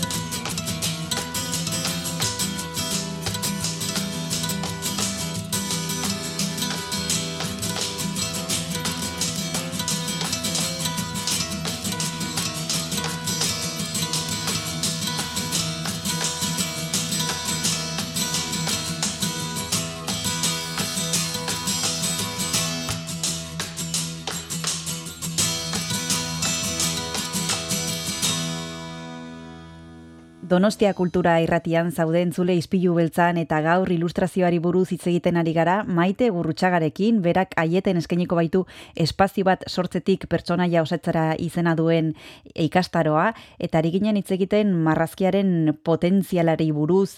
E, aurrekoan hitz genuen hemen e, zure lankide batekin aitziber e, Alonsorekin eta berak e, e, esaten zigun ba justu hori ez e, pena ematen diola e, haunditzen garen enean marrazkiari ez diogula inbeste garrantzirik ematen eta beste herrialde batzuetan, ba, bueno, beste kultura bat zegoela eta hemen ere, bueno, pixkanaka, pixkanaka, ea e, aldatzea e, daukagun. E, nik ezakit e, maite zure kasuan berak ere esplikatu zigun zein zen bere lan egiteko prozesua, eta nik ezakit zein den zurea. E, bueno, lehenbiziko testua irakurri, harremanetan jarri idazlearekin, edo ez, e, edo zirriborroak bidali, edo ez, e, zuk en, enkargu bat jasotzen duzunean, e, zein da egiten duzun lehenbiziko gauza eta zein izaten da bidea? Bueno, bezero bakoitzakin desberdin da, baino ea, neri gustatzen zaiten modun, batzutan denborak ez du posible egiten hori, baina e, testu bat e, ematen baditea, batzutan norberan gandik e, sortzen da al, album bat egiteko gogoa edo beharra, baina gehienetan argitaletxe batek edo eskatutako lana izaten da. Orduan, testue iristarazten dizu, eta eta denbora tarte nahiko txo eman ezkio gustatzen zait testu hori jaso eta bakar bakarrik irakurri eta hor zen garatu dadin, baino baino marrazten jarri gabe. Bakar bakarrik irakurri eta presente izan. Eta eta badirudi ba ez ez ez da lai ezer gertatzen, baino barrunen ari da ba ba bueno, gelditzen, ez? Gelditzen bai. eta bere neurri hartzen eta ideiak bueltaka da zu oso konstiente izan da. Bueno, eta ondo, ondoren aldan denbora gehien, uzten diot e, testueri bak or, bere toki hartzen edo eta ondoren jabe, bueno, la, lanera kordue iristen danen, ze gero entrega, entrega data bat dao, ba, ja naiz marrazen, ba, lehenengo txiki formato txiki baten nik ikusteko em, sekuentzia edo sortu nahi den sekuentziak edo liburun e, aukeratuko dituten estena hoiek ba, beraien arten ere baduela nexo bat ez edo eta pixka bat em, ba, e, lantzeko part, zati hori. Gero ondoren, eramaten ditut e, bat bat neurrira, ba, liburuek eukiko duen neurrira eta arkatzez marrazten paper normal baten. Eta gero ondoren, paper, ba, nere akuarela paperak moztu prestatzen ditut, eta horra pasatzen dut marrazkie, e, kalkatzen dut, e, argi mai batek laguntzakin, eta prestatzen ditut kolorek, eta ja, e, kolorek ere zaiatzen naiz testu horri egokituta sortzen edo nahasketak eh, horrela egiten ez, aukeratutako kolorek eh, apropos testu horri uste detenak ondo jungo zaizkiola, hau da, mo, eh, karga narratibo bat ematen saiatzen naiz kolore hori, eta gero ondoren ja hori dena eginda dagoen ja margotzea da. Beraz, hori da pizkate ejekuzio lana, eta hor ja baka, ba, pintzelak hartu eta margotzea. Eta, bueno, placer handiko momentu bat da, baina lana guzti hori pentsatzekoa eta eraikitzekoa nola kontatu ze momentu ze, ze esena eta bat beste aurretik, hori dena aurretik egindako lana da, pues, bozetotan eta gertatzen da guzti hori. Eta bueno, gero hori fizikon margotuta nola dagon, eskaneatu behar da, e, ordenagailu ba, kolorea ondo jarri, formatora eraman, eta beste. Eta gero, ja. Eta e, aztu zaitezatea, bai, e, testu eidatzi dunan Guste, bo, nik uste dut ilustratzaile batek, lana hartzen duen, behar dula pixkateuki espazioa, e, bere irakurketa egiteko eta ez beste beste em, lenguaia bat dela eta hori e, ilustratzailean dela eta utzi hor euki behar dula bere bere askatasune interpretaziotarako eta bere lana garatzeko. Baina bai gustatzen zaite idazleak baldin badauke ba jo ba sortu zitzaiten alako ta olako momentutan edo alako ta alako beharretatik eta beste. Ta hoi beti da lagungarri. Hoiek denak eh, jasotzea gustatzen zait, baina gero ja behin e, informazio guzti hori jasota ba, ba norberak, ez, ilustratzaileak e, ahal izatea eraman beste ba hori iruditara, bai, iruditara eta bere, bere espazioa e, izateko aukera ere zuk ere ba, zure zu, zure zurera ekartzeko historio hori, ezta? Hori da. Hori da. Eta ze garrantzitsua den e, norberaren estiloa, ez? E, aurrekoan ere e, beste ilustratzaile batekin hitz egin genuen estiloari buruz eta berak esaten zigun etzela bilatu behar. Norberak barruan zeukan zerbait zela hori eta batzuetan e, ez direla ba, pensatzen dugula e, exitoa izango duen edo arrakasta izango duen zerbait e, e, egingo dugula horrela edo hala egiten badugu marrazki bat, baino estiloa dala norberak barruan daukan zerbait eta hori ez dela bilatu bilatzen edo ez dela formula matematiko bat. Ezakite zure kasuan, e, ba, nola, nola joan zareten elkartzen zu eta zure estiloa? Ba, bida, era bat, era bat ados nago esaten dunakin, gainera uste dute norberan estiloari kasorik ez eginta, e, ba hori, orain bogan dago horri jarraitzea edo beste, mm, ibilbide gutxiko gauza bat dela. E, ze pareta baten kontra bezala zoaz, eta azkenen e, ez duzuta zitze egiten eta hori uste nabari dela. Nik estiloa askotan pentsatu izan dut dala nere gabezin katalogo bat, osea, wow. bai, hori da, ba, ba, ba ezintasunen aurren bilatu dituten errekurso katalogo bat, eta, eta bueno, gero nere izaera eta asko hitz egiten dula. Nik e, nere nik aukeratu beharko ban nere estiloa, ez litzeke dauketena izango. Ze gero igual besten lana ikusten detenen, e, jo, estimatzen dut freskotasun hori, mantxa aprobetsatzeko gaitasune, e, momentuko e, impulsoa, e, ba, impulsoaz baliatzeko aukera, eta nere lanen hori ez da horrela, ez, ez da nere estiloa. Baina, bueno, e, nahiago onartu eta horrekin e, bizi, e, horri kontra eginez aritzea, baina ze, ze ba, lanbide hau aukeratu badeu da, ez pixka bat, ba, nahi, de, nahi deun hori egiteko, edo asko mugitzen gaitxulako, aldi, ari baldin bazea, e, modari begira ba, azkenen gozamena nun gelditzea da, ez?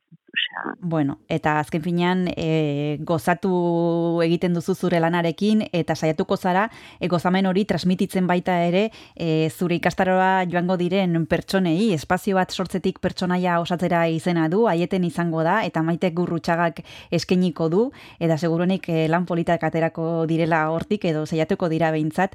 Eskerrik asko maite gurrutxaga Donostia Kultura irratira urbiltzeagatik berriro ere, plazerra beti bezala zurekin hitz egitea ilustrazioaren inguruan. Eskerrik asko esan bezala eta bezarka bat urrengor arte. Mil esker zuri. Aio. Agur, agur.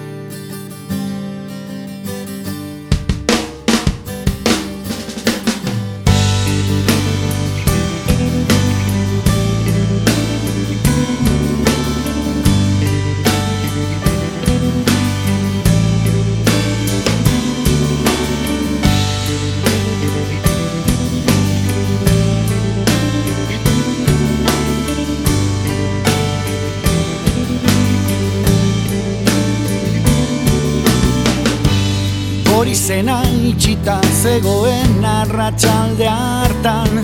Ezin izan genuen txuririk hartu eta zeure begiak nekatu ziren bapatian bizitzaren nekazioak emandako logure mugak gabeagatik kotxian arroz sentitzen ginen utxik. Eta beste nun baitopatzen Saiatu ginen igandia zen astiaren zeroa. Eta inoretze bilen kalian, kalian baina netzegoen mundu honetan. Naiko bero zeure zulo beltzetik Iaiotzen zen, hotza baretzeko. Gaur ezin izan dut, lorik egin esan zenidan Gasolin egian ginebra botilak erosten genitxuenian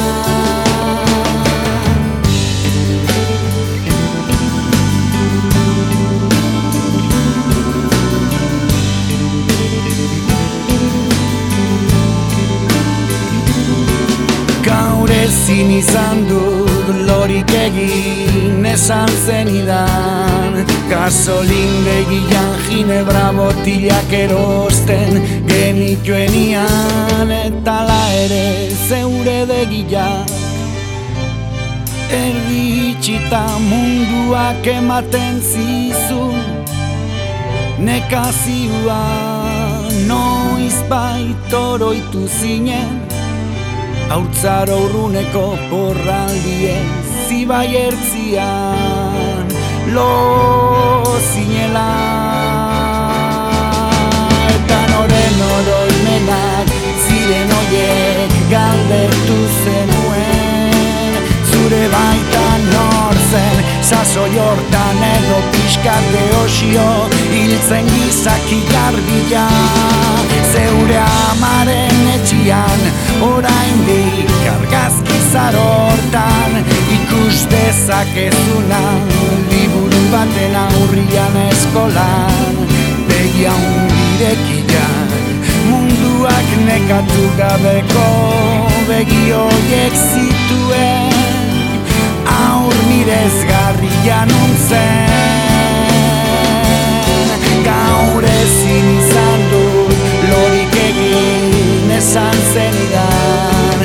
Gasolin begian ginebra botilak erosten genituenian.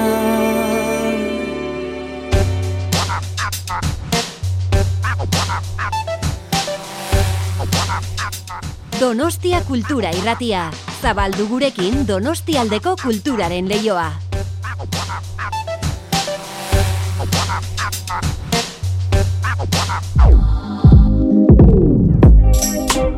Ispilu beltza. Astelenetik ostiralera, Oyer Arantzabal eta Kristina Tapia Buizik zuzendua. Donostia Kultura Irratian. Txuma Murugarrenen Borisena kantua da entzun berri duguna bere e, gauak nesak eta maletak diskotik hartu duguna hain zuzen ere. Tira badakizue, eh? gure ikasturteko bitxiak erreparsatzen ari garela hemen, izpilu beltzan. Eta segidan, ba, e, gure gaurko irugarren elkarrizketa entzuteari ekingo diegu.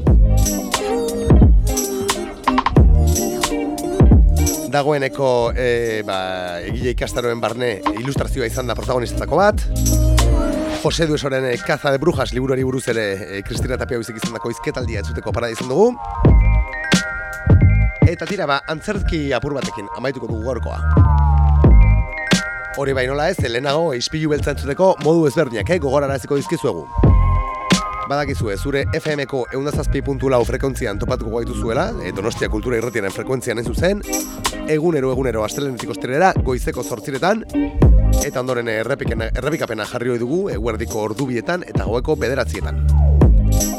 Nahi eran ere, topatuko dituzu gure saio guztiak, Donostia Kultura irratiaren webgunean, nola ez? irratia.donostiakultura.eus webgunean, hain zuzen ere. Eta tira, ba, podcast eh, plataforma ezberdinetan ere, topatuko duzu izpilu beltza, eh? Beraz, aitzakiarik ez, gu ez zuteko, lagunok. Esan dako, antzerki pixka bat segidan. Victoria Eugenia Antzokian, un hombre de paso obra e, ikusteko parada izan genuen, pasaden urriaren bian.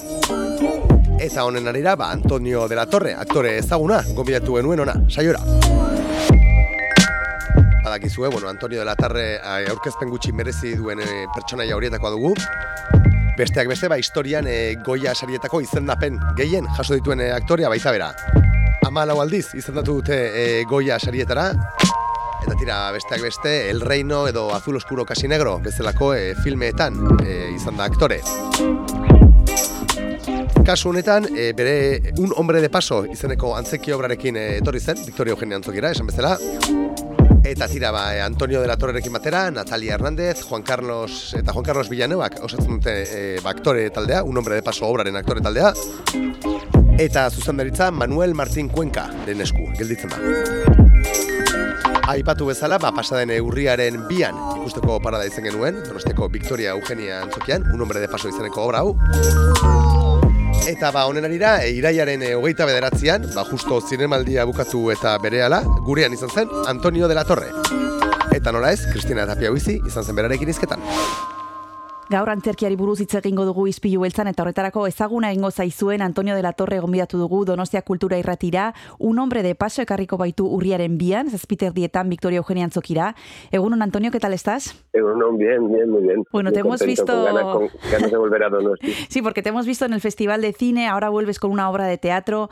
Lo primero de todo, nos gustaría saber, Antonio, qué es lo que nos vais a contar en Un hombre de paso, qué vamos a poder ver. Bueno, o sea, un hombre de paso es un... Eh, dentro de que no me gusta mucho poner etiquetas en general sí. con, las, con las obras que represento, porque creo que se cuentan solas, pero es un...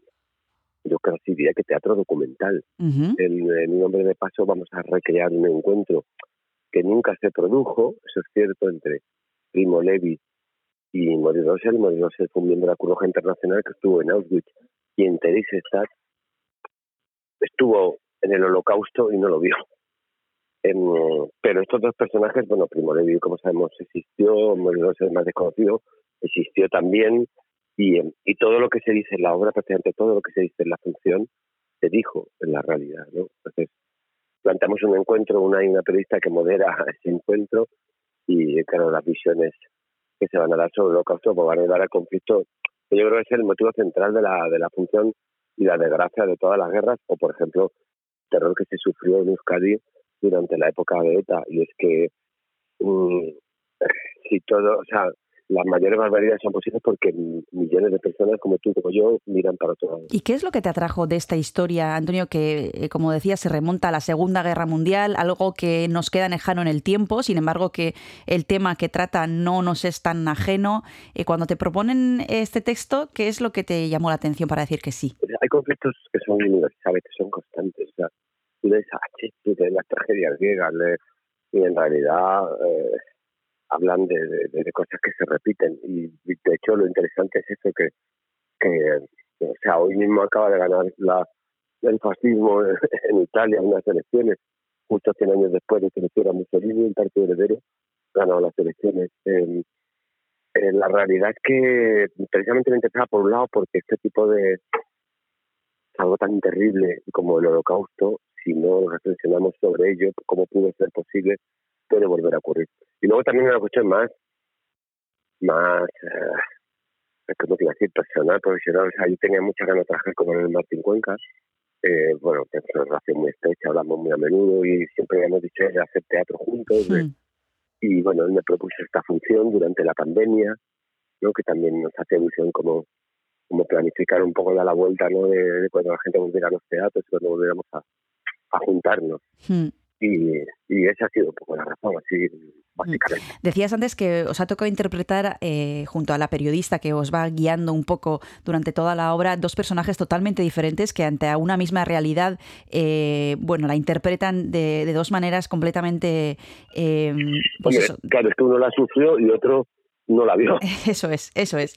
o sea, quiero decir, eh, Maurice Rassel era miembro de la Cruz Roja, era Sí. el encargado de, de, de, bueno, pues de velar que se cumpliera la Convención de Ginebra y, bueno, que dentro de la locura de una guerra se respetaban tratados y convenios. Y, y, en, en el holocausto es que, bueno, es que el exterminio, así, se pasó por ese exterminio fue, fue mucho más allá que todas las guerras, es lo más, claro, desde la época, desde que tenemos estudios de, de la historia de la humanidad, sabemos que hay cosas terribles que ha perpetrado el hombre, grandes violencias, pero esta manera tan sofisticada, tan planificada de aniquilar a un, pueblo entero, esa jamás se había producido. O sea, el holocausto es la mayor barbaridad de la historia del hombre. Nos vamos a tomar un descanso y ahora mismo volvemos con Antonio de la Torre.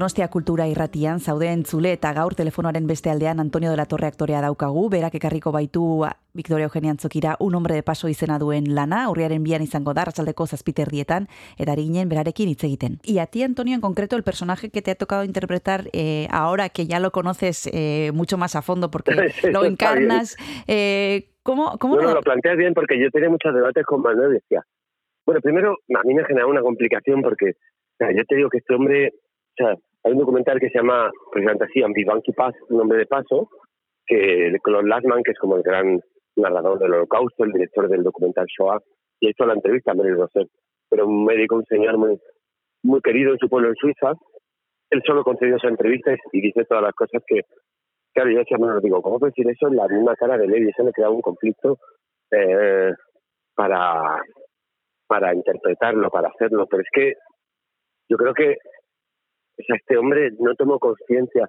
Esto me era muy jovencito cuando fue aquello y lo vivió con, pues con banalidad. Así es que al final, es la gran tesis que desplegaba Ana Aren cuando estudió los juicios de, de, de Eichmann, cuando le, juzgaron en, en, Jerusalén. Es que em, la banalidad, o sea, lo terrible del holocausto, ¿cómo se lo diría?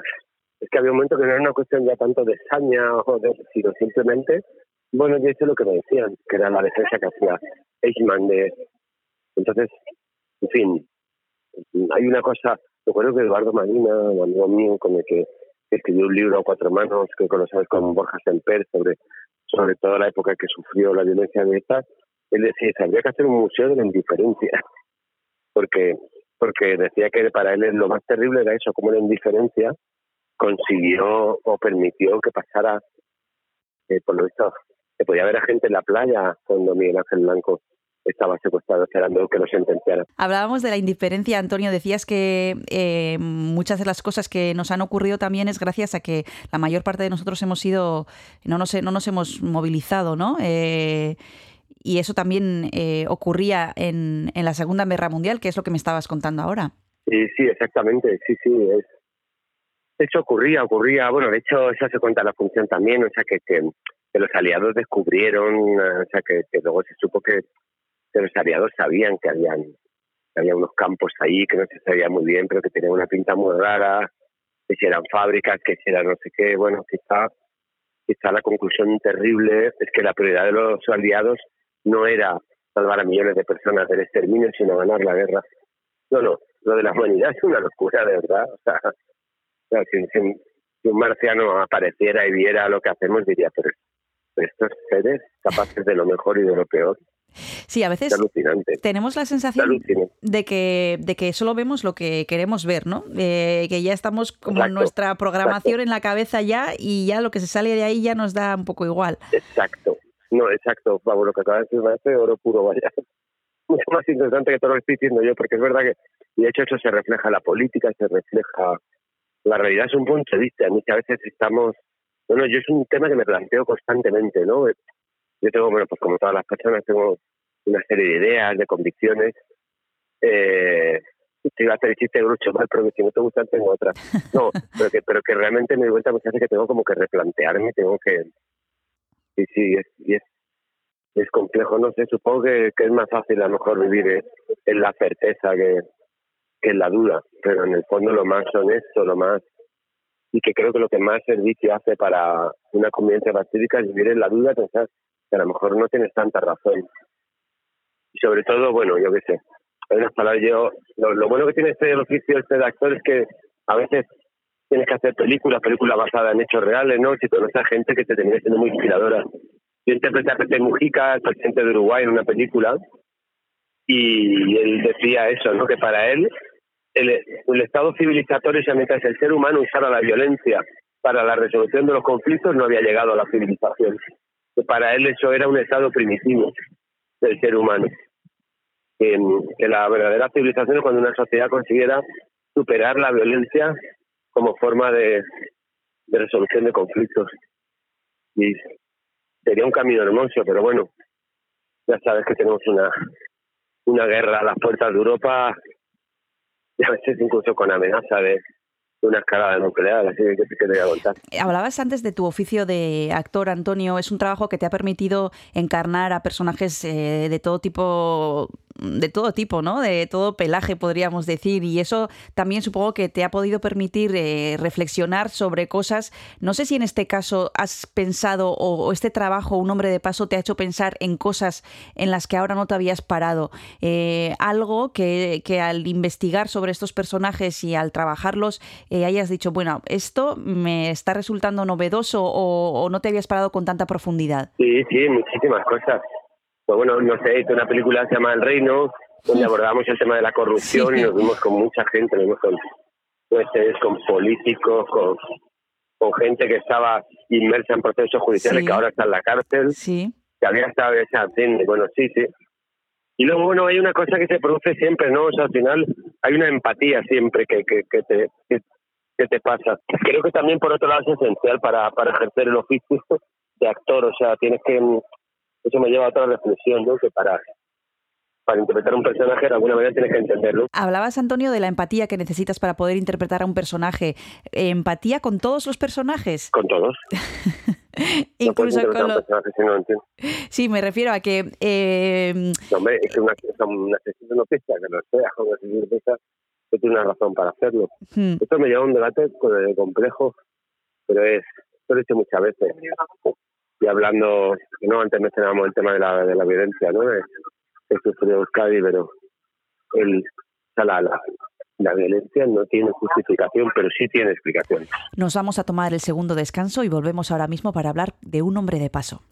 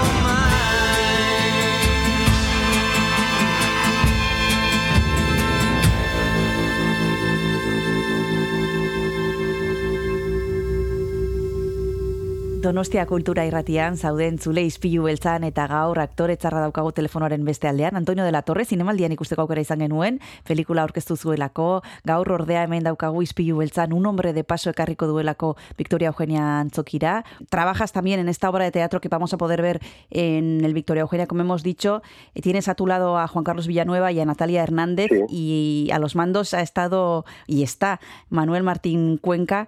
¿Cómo ha sido trabajar con, con ellos tres? Y también, no sé si la obra va cambiando un poquito cada vez que la interpretáis, hay pequeños ajustes en función Sí. de, de, la- de, la- del- de los sitios. No sé cómo, cómo lo hacéis esto, porque cada vez es una vez diferente. Claro, se siente una evolución las, las funciones, la, de la, la, yo creo que ese sentido de, de, o sea, también la oportunidad de hacer teatro, que cuando haces una función, bueno, pues al siguiente otra, cada vez una cosa nueva y cada vez hay una búsqueda ahí. Y luego, bueno, pues claro, siempre no te siempre ajustas cosas, es un proceso, es una evolución hacia un imposible, ¿no? Que es hacer la, la obra perfecta. Pero bueno, sí, pero de hecho eso es lo hermoso del viaje. Entonces una película ya queda ahí hecha, ya esto ahí quedó. Pero bueno, cuando haces una función, pues, pues la vas trabajando, la vas, vas puliendo cosas, sí, sí, sí, y, no tiene que ver la función que se hace con la que con la última que haces, claro. claro. son dos procesos de trabajo totalmente diferentes, Antonio. Encima del escenario cada día es diferente. En, el peli- en unas películas, como decías tú, lo que se graba, se graba. Yo no sé dónde te, dónde te sientes más cómodo. Supongo que cada cosa tiene, como todos los trabajos, sus cosas buenas y sus cosas malas, pero ahora que, por ejemplo, te podemos ver eh, con un hombre de paso, ¿qué gustillo le estás cogiendo al teatro? ¿Qué cosas bonitas tiene el teatro que, que ahora puedes eh, hacer, no, por bueno, ejemplo? pues eso, la búsqueda, el viaje, que te pasando cosas distintas, que, que mm, como que puedes ah, em, puede buscar otras maneras distintas en ese lugar al que eh, en el que contar ese relato, ¿no? Aunque el conflicto al final es el mismo, que alguien que estuvo allí, lo vivió de una manera y otra persona le confronta la gravedad de lo que pasó allí y entonces llega un momento que, que se enfrenta al dilema de tener que asimilar la irresponsabilidad de su manera de actuar. Que también es una cosa que no dice que te va pasando cuando tienes una cierta edad, es algún mecanismo inconsciente, te va montando una película de tu vida, o sea, de, de lo que has hecho. Sí, bueno, al final tienes que morir un poco en paz. Entonces te monta una película de lo que has hecho, y te dice esto, dice aquello y tal, cosas que te han ido pasando, porque es que si no, no te lo soportes. Entonces, bueno, yo creo que a este hombre le pasó lo mismo. De hecho, pasa una cosa muy llamativa en el... Ya te digo que las palabras que yo voy a pronunciar en el teatro el, el próximo domingo eh, son las que dijo Maurice Rossell. Yo creo la única entrevista que concedió. Y de hecho, el documental que hace Claude Lachman, se, se, al final, cuando termina el ciclo de crédito, pone en 1997, que fue el año en que murió Maurice Rossell. Y creemos, esta es una teoría nuestra, es que Maurice Rossell no le gustó nada la entrevista y no le dio permiso para publicarla hasta su muerte. Porque de alguna manera, bueno, él, él, él al parecer era, yo, yo he estado con él toda la información que pedía, una persona bastante querida en su pueblo, al parecer muy como muy respetado y entrañable, pero claro, en el documental que da, pues eso como un hombre de paso. Pero claro, ahí, ahí vuelva ¿no? a, la, para mí brillante y al mismo tiempo terrible idea de Marina, ¿no? La, la indiferencia. Es que hay temas donde no se pueden poner de lado. O sea, hay un montón de situaciones en la vida donde donde no opinar o no pronunciarse es Mm. ser cómplice. Hablabas de cómo eh, con la edad eh, los personajes, bueno, pues eh, afectan de forma diferente. ¿Hay personajes que también son de paso para un actor o, Yo o creo hay no, personajes no, que dejan huella eh, cada vez más, depende O sea, de cuál, no sé. Sí, sí, a ver, hay personajes más interesantes, otros menos. Hay personajes que te quedan mejor y otros menos. Hay personajes que tienen más éxito y otros menos. Pero todos, o sea, si amas tu oficio te has tomado esto con pasión, como en mi caso, espero, eh, o sea, ninguno de paso, al final te cambia, una, o sea, que te, que te dan cosas contigo, las experiencias que vives, preparándolo y tal, o sea, todo, el que yo soy es una suma de todo lo vivido, por lo tanto también de mi, de mi personaje. Bueno, como hemos dicho, un hombre de paso es el trabajo que va a traer Antonio de la Torre el próximo día 2 a las 7 y media. Será en el Teatro Victoria Eugenia. Muchas gracias por haberte acercado a Donostia Cultura y Ratia. Antonio, un abrazo muy fuerte, mucha suerte con este proyecto y con todos los que tengas que emprender este, este final de curso y el año que viene también, por supuesto. Muchas que- gracias, un abrazo. Mira, es que me acercaba. Mila agur. Agur.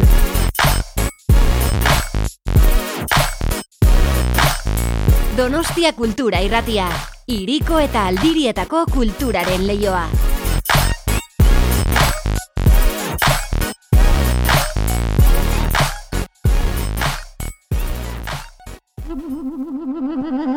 Horiexek izan ditugu Antonio de la Torre aktore handiak, Kristina Tapia biziri kontaturikoak.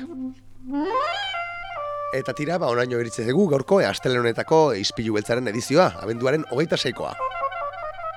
Badakizu, eh, aste honetan ikasturteko bitxiak errepasatzen ibiliko garela, eta datorren urtean ere bai, eh? Datorren urteko lehen aste horretan ere, e, ispilu beltzako ikasturteko bitxiak entzuteko parada izango duzu hemen, Donostia Kultura Irratian. Gaur adibidez, ba, antropologia apur bat, eta literatura, e, ba, ilustrazioa, eta antzerkia izan dira protagonista hemen saioan, eta bihar, ba, euskalo. Esan dako, abiar itzuliko gara, badakizue goizeko zortziketan, e, Donostia Kultura Irratiaren e, sintoniara, eta nahi eran, ba, hori, gure webgune eta podcast plataformetara. Ondo izan, eta gaunetako ajea, e, ba, alduzuen moduan aguantatu, eh? Astelenon!